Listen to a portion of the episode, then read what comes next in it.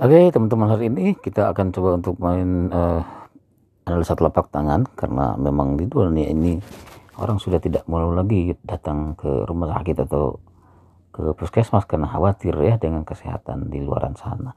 Jadi hari ini kita akan coba untuk uh, menjembatani di tengah-tengah itu yaitu dengan cara menganalisa telapak tangan seseorang untuk bisa mengetahui bagaimana kesehatan seseorang secara garis uh, maksud saya secara uh, tanda-tanda di dalam uh, tangan seseorang.